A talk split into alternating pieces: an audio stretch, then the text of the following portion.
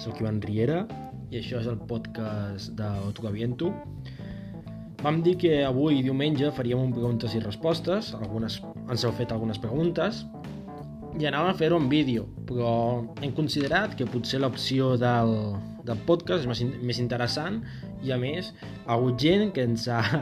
convidat una miqueta a, si volíem fer entrevistes, que seria un bon mètode per aquest temps de confinament, doncs anar pujant material, ja que no tenim futbol, per desgràcia, de moment, doncs poder anar pujant material, fer alguns debats, algunes entrevistes i pot ser interessant per tothom. Així que, bueno, comencem i començarem a respondre una miqueta a les preguntes que ens heu anat deixant.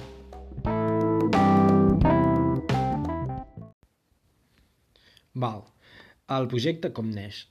És una pregunta típica que ens fan, el projecte va començar fa poder al voltant de dos anys enrere, més o menys, i va començar com un blog eh, personal en el qual anàvem a parlar una miqueta de, de lo que ve a ser la història del futbol, futbol i política, una miqueta la part més social del futbol, però és arran de,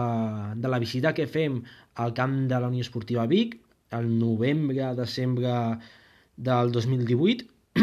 quan nosaltres veiem que el projecte eh, pot anar en sèrio i decidim doncs, fer un canvi, una miqueta un canvi a, a l'enfocament. Deixem aquesta part potser més política o més història i ens passem una part poder més esportiva, però tampoc és que no sigui, que sigui esportiu. El projecte al final és com li donem aquesta cara bé i que en els nostres articles, fins i tot amb les entrevistes que fem de converses modestes o els articles de gent que ha col·laborat eh, compartint reflexions amb nosaltres, es veu que nosaltres anem més enllà de lo merament esportiu i mirem al voltant del, de lo que és el futbol. I és aquí, amb la visita al camp de la Unió Esportiva Vic, quan nosaltres fem aquest clic i deixem de costat lo que era, eh, venia sent el blog i decidim començar a apostar pel projecte. Després d'això ja ve Palamós, Palamós és la confirmació del que el projecte pot tirar endavant i després han vingut molts equips que, que si no arribem als 15 camps visitats, uh, por ahí andamos, o sigui, uns quants camps hem recorregut, hem conegut moltes històries i al final el que venim, el que normalment fem és agafem la pilota i a partir de la pilota parlem de tot el que sorgeix al voltant del futbol. Uh, parlem, de poder, per exemple, de situació més política, com va ser amb el Júpiter, parlem més de com ho viuen els aficionats quan hem parlat amb desperdicis o hem parlat amb altres guiades d'animació, parlem del caràcter social dels equips, com vam fer a la Guinaueta o fins i tot com vam fer a Baibona, i al final crec que nosaltres el que fem, i aquí és on el projecte va canviar i és aquí on neix realment el projecte, és decidir a no fer només la típica crònica que fan molts periodistes, sinó fer una crònica en la qual la crònica sigui lo secundari o sigui l'excusa per poder parlar de futbol però poder parlar del de, futbol més enllà del joc, perquè crec que és molt interessant, més enllà de, de, de tècnica, de, de tàctiques, més enllà de, d'estils de, de joc, de si juga aquest o juga aquest altre, o fica un gol o no fica gol, és molt interessant conèixer el que pensa l'aficionat. Al final, l'aficionat de, del futbol modest és un tipus d'aficionat que no hi ha en el futbol professional o que cada cop queda menys en el futbol professional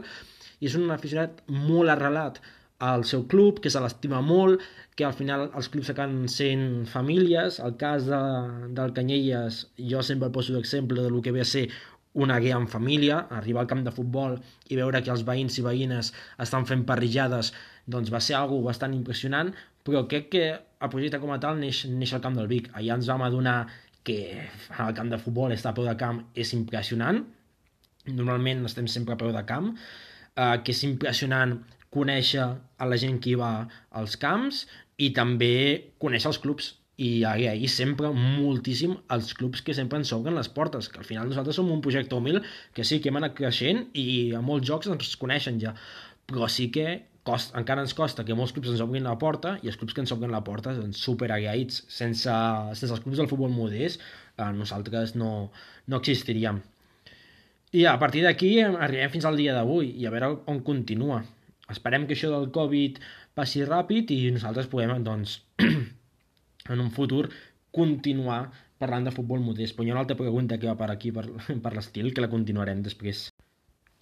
Després, el company Pau, que li tinc molt de pressi i que és un gran seguidor de, del nostre projecte, company de Vilafranca, ens preguntava que quina opinió tenim sobre l'ascensos i els descensos. Això és un tema molt feixuc. Uh, jo, des de la meva opinió personal, um, avui he escoltat en Víctor la retransmissió que feia molt, l'entrevista que feien al... que feien al, a Sant Andreu, i parlava d'anul·lar la competició. Jo, és que sincerament, no sabria què fer. És, és una cosa bastant complicada, és bastant complexa la situació i en totes, en totes les opcions surt gent perdent perquè si diem que pugen els dos primers, per exemple, parlant del futbol català, del futbol regional, diem que els dos primers a cada categoria promocionen a dalt o juguin després quan sigui un partit de promoció, encara falten partits en els quals moltes lligues estan igualades a un punt o dos de diferència, la gent que està per darrere diran que és injust perquè ells segurament podien realitzar una remuntada i aproximar-se a aquestes primeres posicions. Després, Uh, parlem d'anul·lar la competició. Anul·lem la competició i sí que els descensos doncs li va bé, però els que estaven primers i portaven una línia molt regular i es mantenien les primeres posicions, ens sortiran i ens diran que,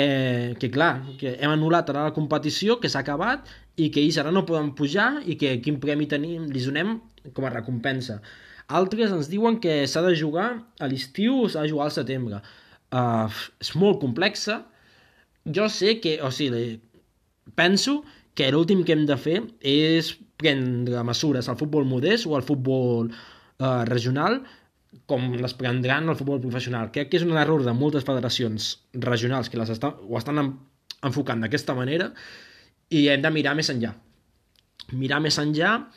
i buscar doncs, una alternativa que s'adequi a, fins i tot a gairebé a cada categoria, perquè no és el mateix la quarta catalana uh, a nivell d'equips i d'estructura d'equips que la primera catalana a nivell d'estructura d'equips. O sigui, és, la diferència és abismal, el nivell de competició és molt diferent i crec que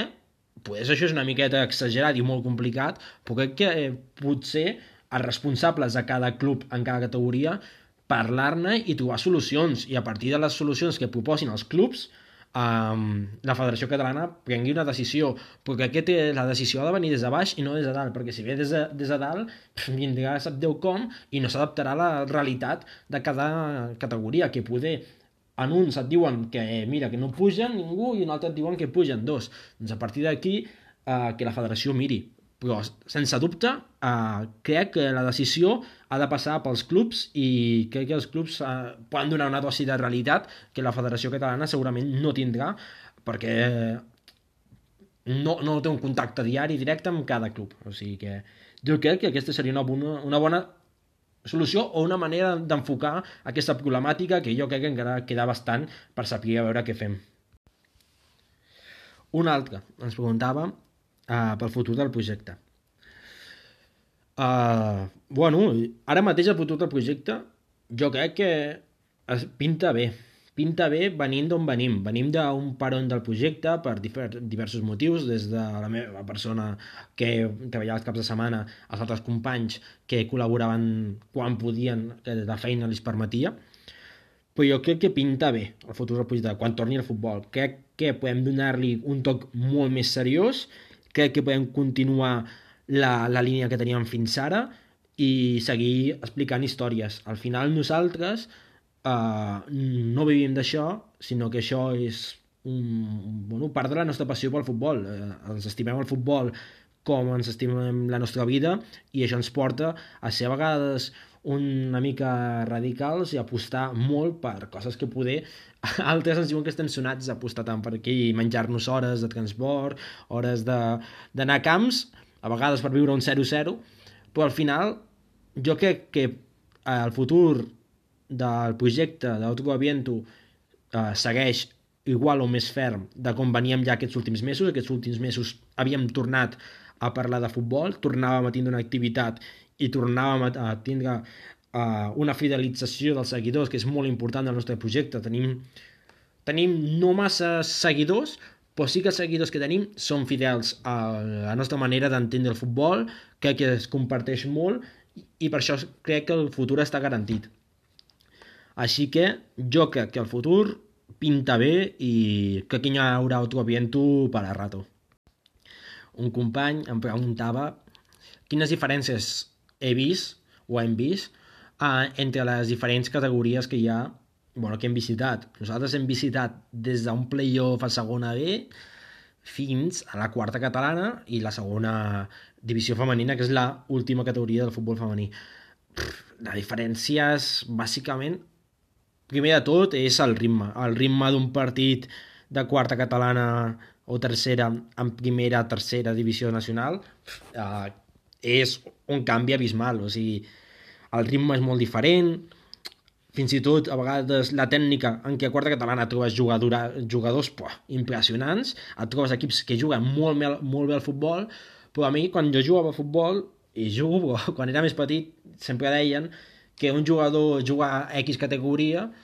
perquè li sempre li faltaria alguna que si tingués aquell, aquell alguna arribaria més a dalt i poder és aquest et trobes sempre aquesta falta d'algú. Et trobes que hi ha un jugador que és molt bo però li falta jugar en equip o li falta ficar gols, però sí que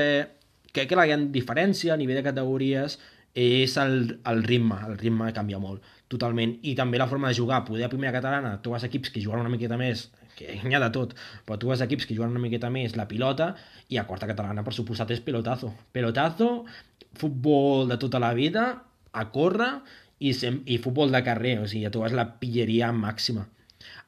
A mi, personalment, m'agrada molt la primera catalana. Uh, L'ambient que hi ha, la forma de jugar i com són els clubs. La primera catalana, la segona, fins i tot la quarta catalana m'ho passo molt bé. La tercera, la tercera ja és més diferent, és un futbol ja, bueno, ja, ja comences a aproximar-te a la semiprofessional, semiprofessionalitat de la segona B. Et trobes poder a vegades ambients més freds, depèn del camp o depèn les directives, però a nivell general jo crec que la primera catalana la segona és impressionant. Jo crec que una persona se'n va viure un partit a primera catalana, te'n vas, per exemple, al camp de la Guinaueta i, i és que és, jo no canviaria mai viure un partit al camp de la Guinaueta o al camp fins i tot de la Muntanyesa que viure un partit en un Bernabéu o en un Camp Nou. És que canvia moltíssim, gaudeixes el triple i, i al final jo ho recomano. O sigui, I per això nosaltres parlem de futbol modest, perquè aquesta proximitat i aquesta manera de viure el futbol és única. I l'última pregunta que hem rebut era uh, si ens hem trobat problemes amb el projecte, en el camps, és una pregunta, qui l'ha fet? Qui l'ha fet és una miqueta mal parit, però uh, si ens hem trobat problemes. Um, bueno, primer de tot, per norma general, uh, no tenim problemes en cap camp, al principi costava més que els que els clubs ens contestessin, normal, veies una pàgina web que es deia autoapiento.wordpress.com demanar-te acreditacions i quina, qui collons són aquests, aquests que volen venir aquí al camp? Però a nivell general sempre se'ns ha tractat molt bé. Recordo que al camp del Prat se'ns va tractar de... Boh, va ser impressionant el tracte que van rebre al, al camp del Prat. O sigui, jo ho vaig, uh, ho vaig passar molt bé. Però Uh, sí que hi ha hagut problemes, a vegades problemes més aliens. Per exemple, trobar-te equips que no et contesten o et contesten de mala manera a demanar acreditacions i no te les donen, que, i, i parlo d'equips, no diré noms, però parlo d'equips de primera o segona catalana, i et quedes amb la cara de, bueno, pues, d'anar venint de, de, de, a la Copa Catalunya o venint de tercera i ens estàs dient que no, com, amb una falta de respecte enorme. O després problemes de nivell de seguretat, tothom ho sap que al camp de l'Horta sempre que hem anat hem tingut problemes amb la seguretat del camp, mm, jo encara no ho comprenc perquè a nosaltres ens va catxear i se'ns va obrir maletes, se'ns va, se'ns va... És que jo em sentia com que anava amb una, amb una guia d'animació de visitar sap de on el catxeo que em van fer, a mi i al meu company càmera, però bueno, mmm, són coses alienes al club, el club no té res a veure, suposo, amb la seguretat, vam ser dels pocs als quals se'ls va catxear mentre passaven altres companys que es li deixava passar cap problema. Entenem que a vegades les nostres pintes, bueno, tenim un, un look a vegades que pot ser problemàtic, la nova forma, nostra, les nostres pintes, i sí que vam tindre algun problema en aquest sentit. Però a nivell general, molt bé. Només el que passa a vegades és això, eh, que els clubs no, no responen o algun, algun club ens respon malament, però més enllà cap queixa. O sigui, és un món molt maco i al final el futbol modest o el futbol català acaba esdevenint una gran família.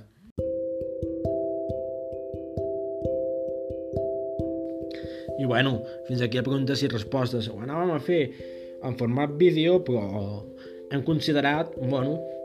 una de les apostes al final de temporada passada era un domini web propi, que l'hem assolit. L'altra era fer un podcast sobre futbol modest, que doncs aquesta és la intenció a partir d'aquest primer podcast.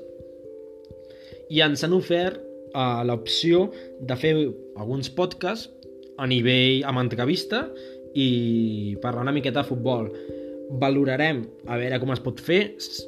mirarem opcions per poder començar a parlar de futbol o futbol modest amb altres companys o entrenadors, equips de futbol, així que suposo que durant aquest coronavirus